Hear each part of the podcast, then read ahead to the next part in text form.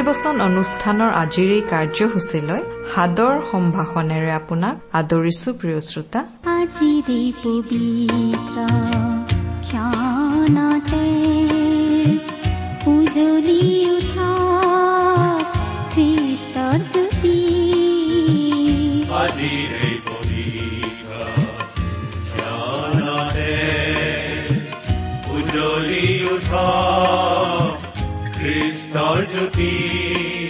প্ৰিয় শ্ৰোতা ৰেডিঅ'টোৰ কাষত এইদৰে আজিও বহাৰ বাবে ধন্যবাদ। ঈশ্বৰৰ বাক্যৰ শিক্ষামূলক অনুষ্ঠান ভক্তিবচনত আপোনাৰ বাবে আমি আগবঢ়াবলৈ লৈছো জীৱনৰ অতি প্ৰয়োজনীয় কথাবোৰ। জীৱনটো সুকলমে নিৰাপদে আৰু আশীৰ্বাদপূৰ্ণভাৱে চলি যাবলৈ আমাক সকলোকে ঈশ্বৰৰ সহভাগিতা লাগে। ঈশ্বৰৰ লগত একেলগে থকা জীৱন এটাইহে জীৱনৰ প্ৰকৃত তৃপ্তি ভোগ কৰে। এই সহভাগিতা পাবলৈ আমি ঈশ্বৰৰ বাক্যৰ পৰা শিকিবলগীয়া আছে। সেয়েহে ভক্তিবচনৰ যোগেৰে আমি নিয়মিত বাইবেলৰ বাণীসমূহ আলোচনা কৰি আছো। আহকচোন আজি আমি এই বাক্যৰ পৰা পৰৱৰ্তী অংশ শুনো। গ্ৰহণ কৰা শান্তি জীৱন পাবা। যিচুৰ তেজৰ গুণে তুমি ঈশ্বৰৰ সন্তান দেকৈ ভাবি গুণি চোৱা তোমাক ঈশ্বৰে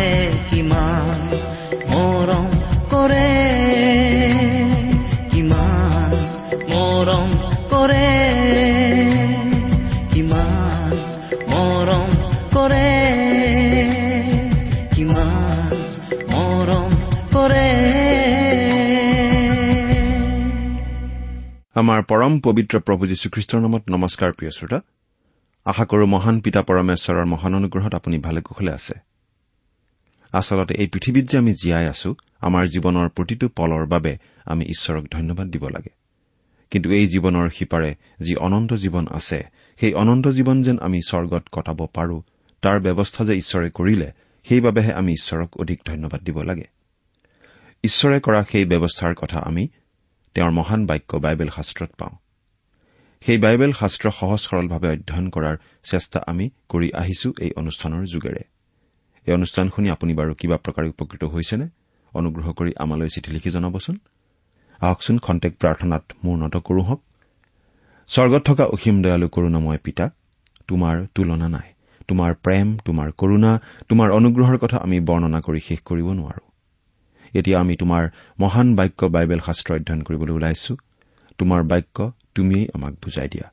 এই অনুষ্ঠানৰ আৰম্ভণিৰ পৰা শেষলৈকে তুমিয়েই আমাৰ চলাওঁতা হোৱা। এই অনুষ্ঠান শুনি থকা প্ৰতিজন শ্ৰোতাৰ জীৱনত তোমাৰ মহান অনুগ্ৰহৰ আশীৰ্বাদ প্ৰকাশ পাই উঠিবলৈ দিয়া। তেওঁলোকৰ জীৱন সৰ্বাংগ সুন্দৰ কৰি তোলা। কিয়নো এই প্ৰাৰ্থনা আমাৰ মহান ত্ৰাণকৰ্তা প্ৰভু যীশুখ্ৰীষ্টৰ নামত আগবঢ়াইছো। আমেন।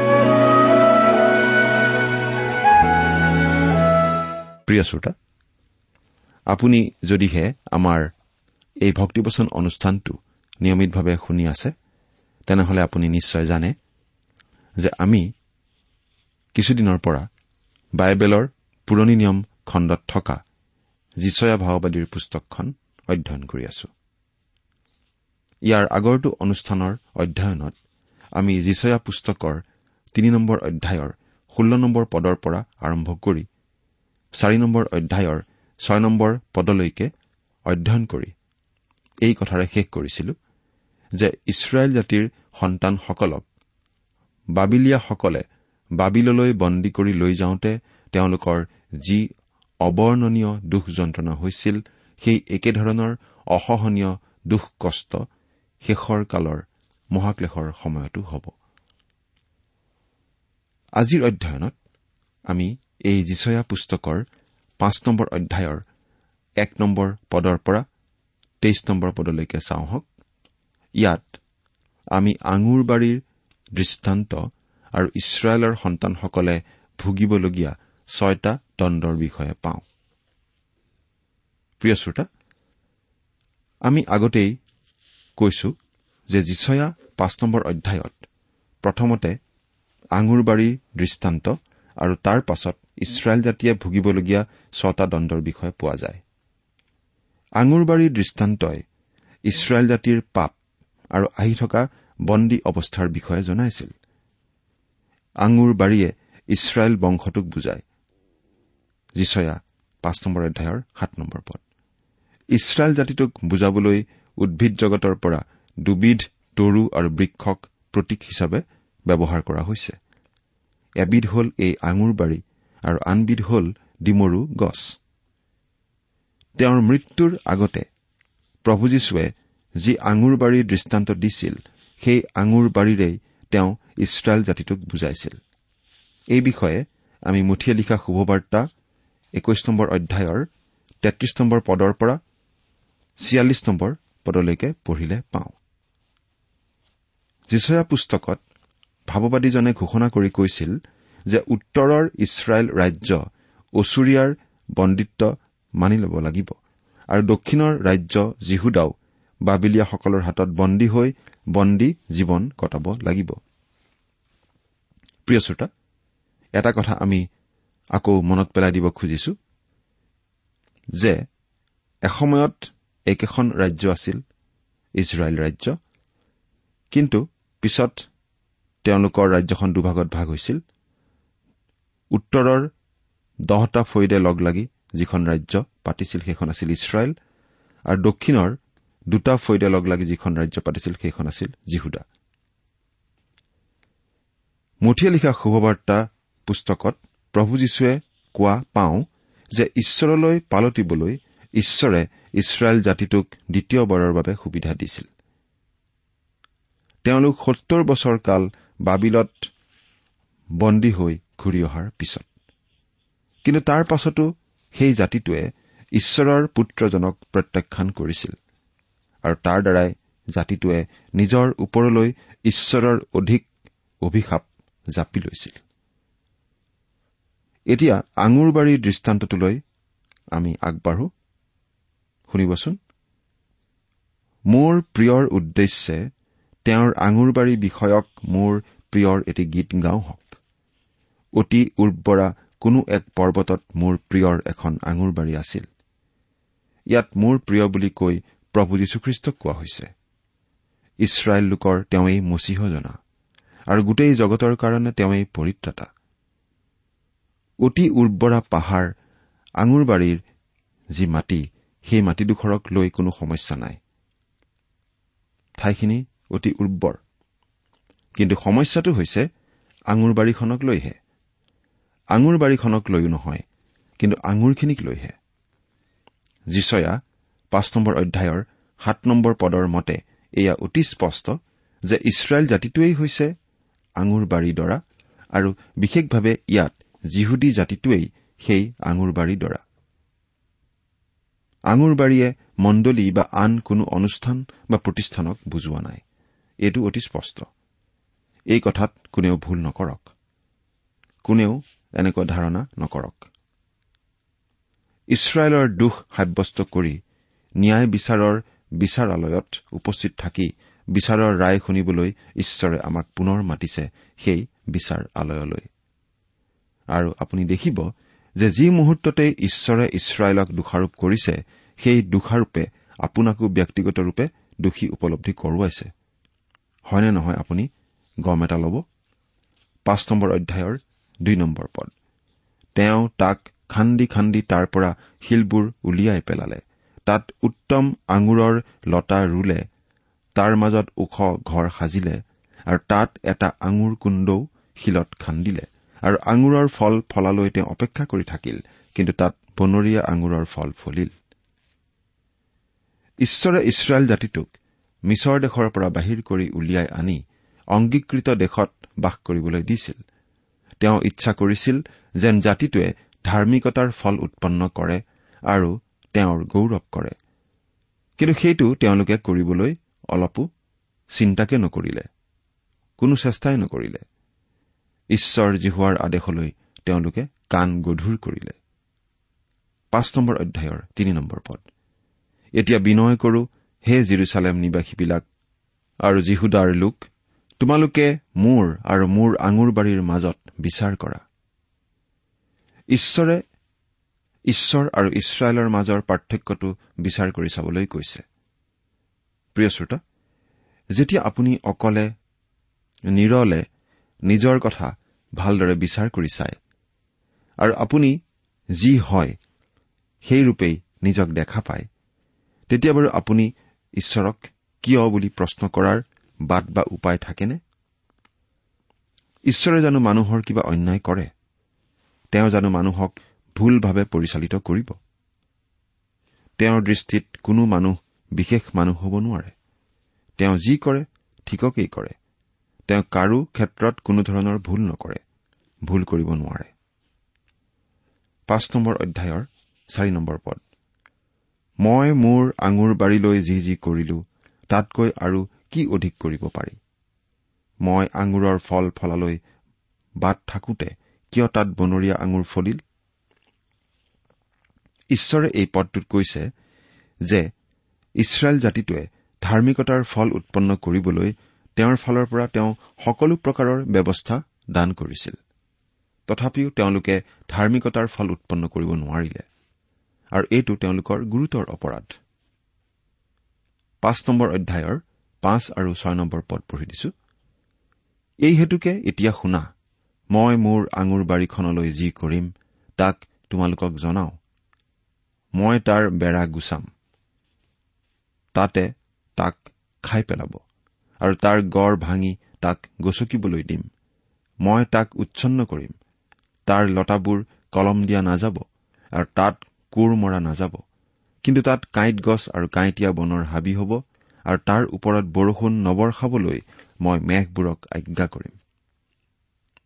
এয়া হৈছে এই জাতিটো যে শত্ৰু জাতিৰ হাতত বন্দী হৈ শত্ৰুৰ দেশসমূহত বন্দিত্ব খাটিব তাৰ এই ভাৱবাণী। ইমান বছৰে ঈশ্বৰে তেওঁলোকক শত্ৰু জাতিবিলাকৰ পৰা ৰক্ষা কৰি আহিছিল। চাৰিওফালে বেৰ দিয়া কথাটোৱে সেইটোকে বুজায়। কিন্তু এতিয়া সেই শত্ৰু জাতিবিলাকৰ হাতত যে বন্দী জীৱন খটুৱাব তাৰে এয়া আছিল ভাৱবাণী। আৰু এই ভাৱবাণী ফুলিয়াইছিল। এই ভাৱবাণীৰ দৰেই ইছৰাইলৰ সন্তানসকলক ক্ৰমে ছিৰিয়া তাৰ পাছত ওচৰীয়া আৰু শেষত বাবিলিয়াবিলাকে আক্ৰমণ কৰি তেওঁলোকক বন্দী কৰি লৈ গৈছিল। অকল সেয়েই নহয় তেওঁলোকৰ দেশৰ ওপৰত আগতীয়া বতৰ আৰু শেহতীয়া বতৰ কোনো বতৰৰেই বৰষুণ হোৱা নাছিল প্ৰায় এহেজাৰ বছৰ ধৰি।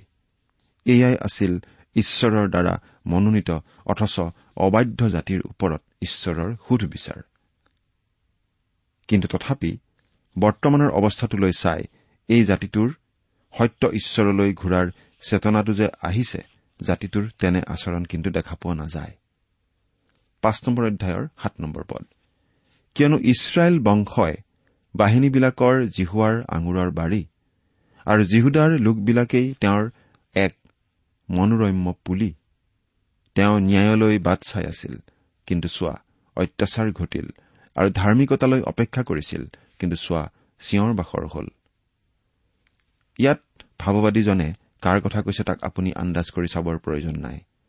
ইছৰাইল জাতিটোৱেই যে ঈশ্বৰৰ সেই আঙুৰৰ বাৰী এই পদটোত সেয়া অতি স্পষ্ট। সেই আঙুৰ বাৰীখনত ঈশ্বৰে ন্যায় দেখা পাবলৈ ইচ্ছা কৰি অত্যাচাৰ দেখিলে আৰু ধাৰ্মিকতা দেখা পাবলৈ আশা কৰি চিঞৰ বাখৰহে দেখা পালে। এতিয়া আঠ নম্বৰ পদৰ পৰা চাওকচোন। ইছৰাইলৰ ছয় ধৰণৰ পাপৰ বিৰুদ্ধে ছয় প্ৰকাৰৰ সন্তাপ বা দণ্ড ঘোষণা কৰাৰ বিষয়ে আমি ইয়াত পাওঁ। পাঁচ নম্বৰ অধ্যায়ৰ আঠ নম্বৰ পদ। কোনো শূন্য ঠাই নথকাকৈ তোমালোকে দেশত অকলে থাকিবলৈ নোপোৱালৈকে ঘৰত ঘৰ লগোৱা আৰু পথাৰত পথাৰ যোগ দিয়া যি তোমালোক তোমালোকৰ সন্তাপ হ'ব। লোভ কৰা পাপ। দুৰ্বল আৰু সাধাৰণ লোকক অত্যাচাৰ আৰু অন্যায় কৰি ইছৰাইলৰ বলি আৰু অৱস্থাবান লোকে নিহকিন আৰু সাধাৰণ লোকৰ ঘৰ কাঢ়ি নিজৰ ঘৰত লগ লগাইছিল আৰু দুখীয়াৰ মাটি কাঢ়ি নিজৰ মাটি বহলাইছিল। লোভিয়া ধনীসকলে অতি সহজভাৱেই দৰিদ্ৰসকলক কুকুৰ মেকুৰীৰ দৰে ব্যৱহাৰ কৰিব পাৰিছিল। তেওঁলোকৰ এই পাপৰ কাৰণে তেওঁলোকে যি সন্তাপ পাব তাক ন নম্বৰ আৰু দহ নম্বৰ পদত কোৱা হৈছে এইদৰে। বাহিনীবিলাকৰ জিহুৱাই মোক স্পষ্টকৈ কৈছে যে নিশ্চয় অনেক ঘৰ এনেকি ডাঙৰ আৰু সুন্দৰ ঘৰবোৰ কোনো প্ৰাণী নথকাকৈ ধ্বংস হ'ব। কিয়নো আঙুৰ বাৰীৰ দহ বিঘা মাটিয়ে এক বট আঙুৰ ৰস উৎপন্ন কৰিব। আৰু এক হোমৰ কঠিয়াই এক ঐফা শস্য উৎপন্ন কৰিব। ইয়াৰ সৰল অৰ্থটো হৈছে যে দুখীয়াৰ কাঢ়ি লোৱা ঘৰৰে বহলোৱা ধনীৰ বহল বহল ঘৰবোৰ কোনো প্ৰাণী নোহোৱাকৈ ধ্বংস হ'ব। আৰু বঢ়াই লোৱা বহু শস্য উৎপন্ন নহ'ব কাৰণ মহামাৰী হ'ব আৰু সেই মহামাৰীয়ে শস্যৰ বহুলাংশে বিনষ্ট কৰিব। ইছৰাইলৰ লোভ পাপৰ বাবে ঈশ্বৰে সেইদৰেই ন্যায় বিচাৰ কৰিব। পাঁচ নম্বৰ অধ্যায়ৰ এঘাৰ আৰু বাৰ নম্বৰ পদ পঢ়ি দিছো। যিবিলাকে সুৰাপানত আসক্ত হবলৈ অতি ৰাতিপুৱাতে উঠে। যিবিলাকে আঙুৰ ৰসে মতলীয়া নকৰে মানে বহু ৰাতিলৈকে থাকে। সিহঁতৰ সন্তাপ হ'ব। সিহঁতৰ ভোজৰ আয়োজন বিনা নেবল খঞ্জৰি বাঁহী আৰু আঙুৰৰ ৰস। কিন্তু সিহঁতে জিহুৱাৰ কাৰ্যলৈ মন নকৰে। তেওঁৰ হাতৰ ক্ৰিয়া বিবেচনা নকৰে। এয়া দ্বিতীয়টো পাপ মদ্যপানৰ বাবে দ্বিতীয় সন্তাপ বা দণ্ড। গোটেই জাতিটোৱেই মদ্যপান আৰু সুৰাত নিমজ্জিত হোৱাৰ কথা ইয়াত উল্লেখ কৰা হৈছে। এই মদ্যপানে জাতি এটাৰ আধ্যামিক আৰু নৈতিক চৰিত্ৰৰ পতন ঘটায়। মদপী গাড়ী চালকে গাড়ী চলায়। গাড়ীখনক দুৰ্ঘটনাত পতিত হবলৈ গাড়ীখনৰ নিৰ্দোষী আৰোহণকাৰীসকলৰ প্ৰাণহানি ঘটায়। আৰু তেওঁলোকৰ ক্ষেত্ৰত পাছত কোনেও কোনো ধৰণৰ দায়িত্ব বহন নকৰে। কোনো কোনো ডাঙৰ ডাঙৰ নেতাইও মদ্যপান কৰি মদৰ নিচাত টং হৈয়েই দেশৰ প্ৰগতিৰ ডাঙৰ ডাঙৰ সিদ্ধান্ত লয়। মদপীৰ সিদ্ধান্তেৰে দেশৰ কেনেধৰণৰ প্ৰগতি কিমান দূৰলৈ হয় তাক কেৱল চকুৰে দেখা মানুহেই ক'ব পাৰিব। কিন্তু সকলোৱে স্বীকাৰ কৰিবই লাগিব যে এই মদে মানুহৰ নৈতিক চৰিত্ৰ আৰু দেশৰ প্ৰগতিক আগলৈ নেঠেলে পাছলৈহে টানে। দেশৰ আটাইবোৰ অপৰাধতকৈ মদ্যপান অপৰাধেই মানুহৰ প্ৰাণ ধন আৰু চৰিত্ৰৰ হানি ঘটাই মানুহৰ আটাইতকৈ অধিক অনিষ্ট সাধন কৰিছে। পাঁচ নম্বৰ অধ্যায়ৰ তেৰ নম্বৰ পদত মদ্যপান কৰাৰ কুফলৰ অধিক কথা কবলৈ গৈ কৈছে এই হেতুকে জ্ঞানৰ অভাৱত মোৰ প্ৰজাবিলাকক দেশান্তৰলৈ নিয়া হৈছে। তেওঁবিলাকৰ মান্যবন্ত লোক ভোকত আঁতুৰ হৈছে আৰু তেওঁবিলাকৰ লোকসমূহক পিয়াহে শুহিছে মদবীসকল আজি বিদেশীৰ হাতত বন্দী নহলেও পতীত চৰিত্ৰ অসৎ আচৰণ অশ্লীল মাত কথা আৰু অযথা ধন খৰচ এনেকি অশান্তি সৃষ্টি কৰা আদি কু আচৰণৰ হাতত সহজেই বন্দী হৈছে। নীলাজ আৰু মূৰ্খ পিতৃ মাতৃ দাদা বাইদেউসকলে তেওঁলোকৰ সন্তান আৰু ভাই ভনীৰ সন্মুখতেই মদ্যপান কৰি জীৱন ধাৰণৰ মানদণ্ড বঢ়ায়। জগতৰ অত্যাধুনিক লোকৰ মাজৰ এজন বুলি পৰিচয় দিয়ে। এইবিলাক জ্যেষ্ঠৰ পাগলামিটো হল যে তেওঁলোকৰ কনিষ্ঠবিলাকৰ আগত মদ্যপান কৰাৰ পাছত শেষলৈ কনিষ্ঠসকলেও জ্যেষ্ঠসকলৰ পথকেই অনুসৰণ কৰিলে জ্যেষ্ঠসকলে বেয়া পায় মনত আঘাত পায় তেওঁলোকৰ কনিষ্ঠসকল নষ্ট হোৱা বুলি চিন্তিত হৈ পৰে। তেওঁলোক পাগল পাগলী নহয়নে প্ৰিয় শ্ৰোতা? পাঁচ নম্বৰ অধ্যায়ৰ চৈধ্য নম্বৰ পদ। এই নিমিত্তে চিউলে নিজৰ অভিলাষ বঢ়াই অপৰিমিত ৰূপে নিজৰ মুখ মেলিছে। আৰু জিৰচালেমৰ আদৰণীয়বিলাক লোকসমূহ আড়ম্বৰ আৰু তাত আনন্দ কৰাজন তালৈ নামি গৈছে। মদপীসকলে নাজানিব পাৰে কিন্তু চিউলে অৰ্থাৎ কবৰ স্থানে বা আন কথাত মৃত্যুৱে তেওঁলোকক হাত বাউল দি মাতি থাকে। তাৰ মেলা বাহুৱে মদপীক সাৱটি ধৰিবলৈ সদায় প্ৰস্তুত থাকে। মদপীয়ে ওখ ঠাইলৈ আৰোহণ কৰিব নোৱাৰে কিন্তু তাৰ গতি তলৰ পৰা তললৈ আৰু অৱশেষত অটল তললৈ নামি যায় আৰু কাহানিও নুঠে। পোন্ধৰ নম্বৰ পদৰ পৰা সোতৰ নম্বৰ পদতো মদপীসকলৰ ক্ষেত্ৰত স্বাভাৱিকতেই ঘটা ঘটনা দুৰ্ঘটনা আৰু অধোগতিৰ কথা লিখা থাকে। পদ। যিসকলে অসাৰুতাৰূপ লেজুৰে অপৰাধ আৰু ৰছীৰে গাড়ী টানি নিয়াৰ দৰে পাপ টানি নিয়ে। ইয়াৰ সৰল অৰ্থটো হৈছে যে এটা জাতিয়ে লাজ চৰম কাটি কৰি থৈ বিবেক বিবেচনা বিক্ৰী কৰি অবাধে পাপৰ ওপৰত পাপ কৰি গৈ থাকে আৰু তাৰ বাবে মিছা কথা কবলগীয়া হলে সহজে মিছা কথাও কয় অহংকাৰ কৰিবলগীয়া হলে অহংকাৰো কৰে আৰু অবিশ্বাস কৰিবলগীয়া হলে সহজেই অবিশ্বাসো কৰে। এইটো ইছৰাইল জাতিৰ তৃতীয় পাপ আৰু সন্তাপ। ঊনৈশ নম্বৰ পদত এই পাপটোৰ ক্ষেত্ৰত তেওঁলোকৰ কথা অধিক মাৰাত্মক। তেওঁলোকে মিছা কথা অহংকাৰ আৰু অবিশ্বাসেৰে যিবিলাক পাপ অবাধে কৰি গৈছে সেই ক্ষেত্ৰত ঈশ্বৰে শাস্তিমূলক কি ব্যৱস্থা লয় তাক সোনকালে কৰিবলৈ তেওঁলোকে ঈশ্বৰক প্ৰত্যাহান জনাইছে? মানুহ কিমান অহংকাৰী দেখিলেনে প্ৰিয় শ্ৰোতা? এই অহংকাৰী জাতিটোৱে ঈশ্বৰক প্ৰত্যাহান জনাই নিজৰ মূৰ্খামি প্ৰকাশ কৰাৰ বাহিৰে আন একো কৰা হোৱা নাই। কিন্তু ইয়াত এটা মন কৰিবলগীয়া কথা এইয়ে যে এই গুৰুতৰ আৰু মাৰাত্মক পাপটোৰ বিৰুদ্ধে কোনো শাস্তি ঘোষণা কৰা হোৱা নাই। কিন্তু এই নিৰৱতা বৰ ভয়ানক। এই পাপৰ শাস্তি হয়তো বৰ্ণতা কৰিব নোৱাৰাভাৱেই কঠোৰ। জাতিটোক যে বাবিলনীয়াসকলে একালত বন্দী কৰি লৈ গৈছিল আৰু তেওঁলোকৰ ওপৰত যি ধৰণৰ অত্যাচাৰ চলাইছিল তাৰ ধাৰণা বা ইংগিত গীতমালা এশ সাতত্ৰিশ নম্বৰ গীতটো পাঠ কৰিলেহে তেওঁলোকৰ ওপৰত চলা তাৰণা আৰু লাঞ্চনাৰ আভাসটো পোৱা যায়। ঈশ্বৰ প্ৰেমময় ঠিকেই কিন্তু তেওঁ কাৰো প্ৰত্যাহান সহন কৰি থাকিব নোৱাৰে। তেওঁ তাৰ যোগ্য উত্তৰ উপযুক্ত সময়ত দিয়ে। ইছৰাইলে নিজ ঈশ্বৰ জিহুৱাক প্ৰত্যাহান জনাই উপযুক্ত শাস্তিৰূপে বাবিলত অমানসিক দুখ লাঞ্চনাৰে দীঘলীয়া সত্তৰটা বছৰ খাটিবলগীয়া হৈছিল। পাঁচ নম্বৰ অধ্যায়ৰ বিশ নম্বৰ পদ। যিসকলে বেয়াক ভাল আৰু ভালক বেয়া বোলে পোহৰক আন্ধাৰ আৰু আন্ধাৰক পোহৰ বোধ কৰে আৰু মিঠাক তিতা আৰু তিতাক মিঠা জ্ঞান কৰে তেওঁলোকৰ সন্তাপ হ'ব।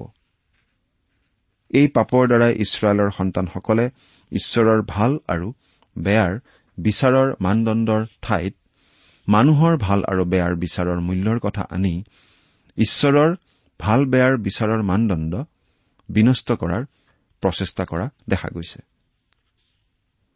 ইছৰাইলৰ এইটো চতুৰ্থ দোষ আৰু সন্তাপ।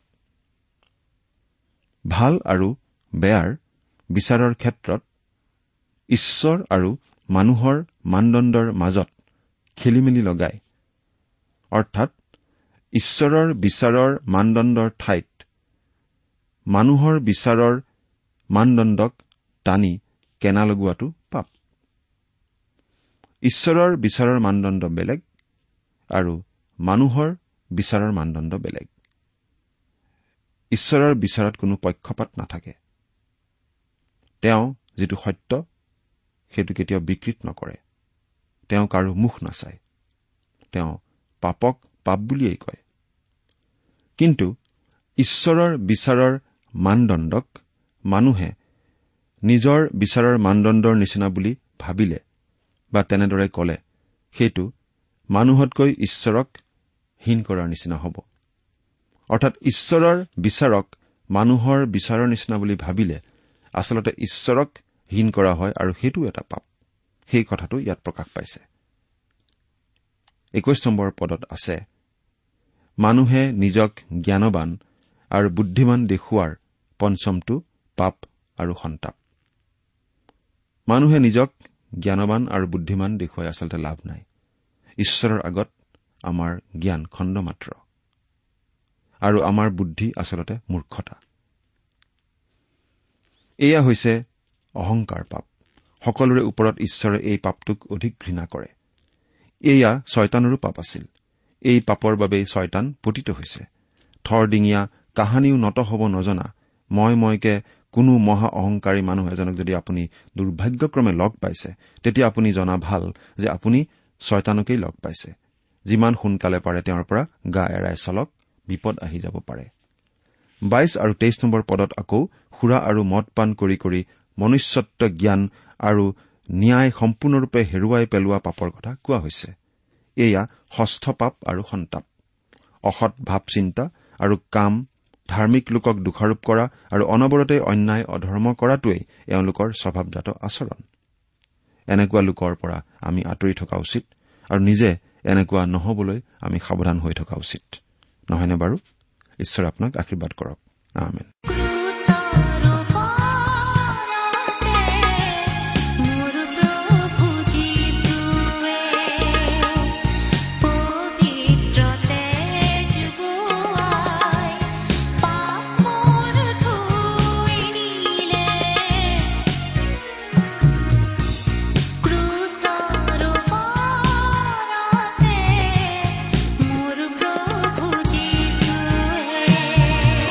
ইমান পৰে আপুনি ঈশ্বৰৰ বাক্যৰ পৰা শিক্ষা শুনিলে। এই বিষয়ে আপোনাৰ মতামত জানিবলৈ পালে আমি নথৈ আনন্দিত হ'ম।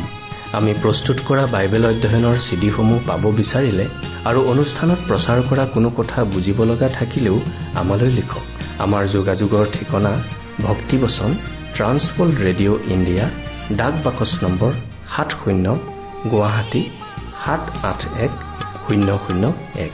ঠিকনাটো আকৌ এবাৰ কৈছো ভক্তিবচন ট্ৰান্সৱৰ্ল্ড ৰেডিঅ' ইণ্ডিয়া ডাক বাকচ নম্বৰ সাত শূন্য গুৱাহাটী সাত আঠ এক শূন্য শূন্য এক।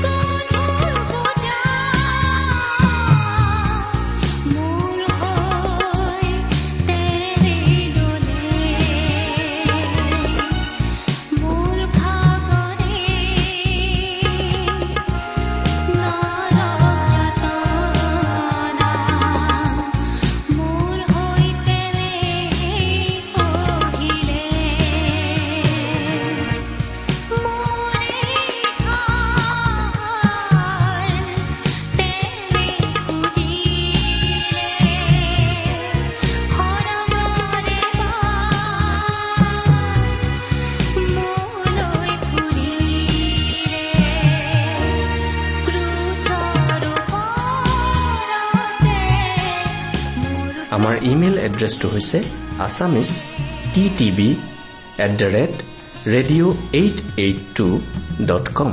আমাৰ website W W W dot T W R dot in. আপুনি টেলিফোনৰ মাধ্যমেৰেও আমাক যোগাযোগ কৰিব পাৰে।